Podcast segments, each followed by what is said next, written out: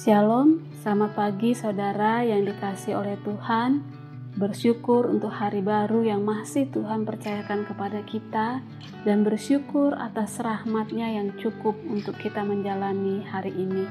Dengan firmannya hari ini, Mazmur 35 ayat 1. Dari Daud, Berbantahlah Tuhan melawan orang yang berbantah dengan aku Berperanglah melawan orang yang berperang melawan aku. Terkadang masalah-masalah kita tampaknya tidak ada habisnya.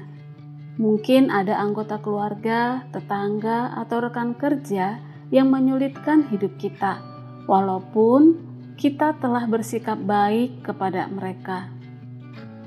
Daud pun pernah mengalaminya Saul mengejar Daud tanpa henti selama kira-kira 7-8 tahun untuk membunuhnya.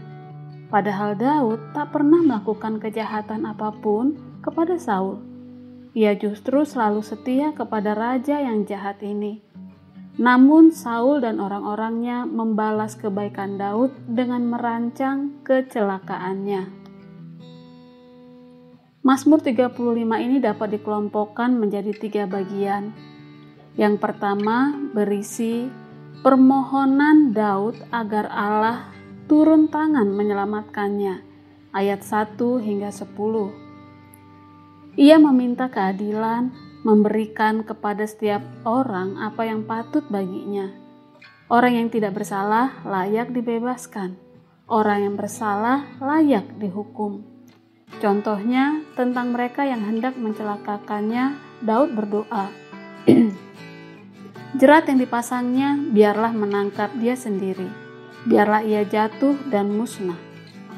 Daud mengerti hakikat keadilan dan pembalasan, yakni bahwa Allah sendirilah yang melakukan pembalasan dengan tepat. Maka ia mempercayakan keadilan kepada Allah. Bagian kedua berisi keluh kesah yang memilukan. Ayat 11 hingga 18. Orang-orang yang membenci Daud dan berbalik darinya justru adalah mereka yang dianggapnya sebagai teman. Selama ini ia telah mengasihi dan mempedulikan mereka. Ketika mereka sakit, aku memakai pakaian kabung namun mereka justru memfitnahnya dan menertawakan kesulitannya. Dalam bagian ketiga, Daud berpaling kepada Allah meminta penghakimannya. Ayat 19 hingga 28. Daud memohon agar Allah mempermalukan orang-orang yang telah mempermalukannya dengan kejam, yang telah memperlakukannya dengan kejam. Kemarahan Daud terasa dalam Mazmur ini. Memang menyakitkan bila seseorang yang kita perlakukan dengan baik malah membalasnya dengan kejahatan. Ini adalah kemarahan yang benar dan sesuai dengan isi hati Allah. Yesus juga menunjukkan kemarahan serupa atas kejahatan para pemimpin agama yang melawannya, walaupun dia melakukan kebenaran. Namun perlu kita perhatikan bagaimana masing-masing bagian tersebut berakhir dengan perkataan tetapi aku bersorak-sorak karena Tuhan.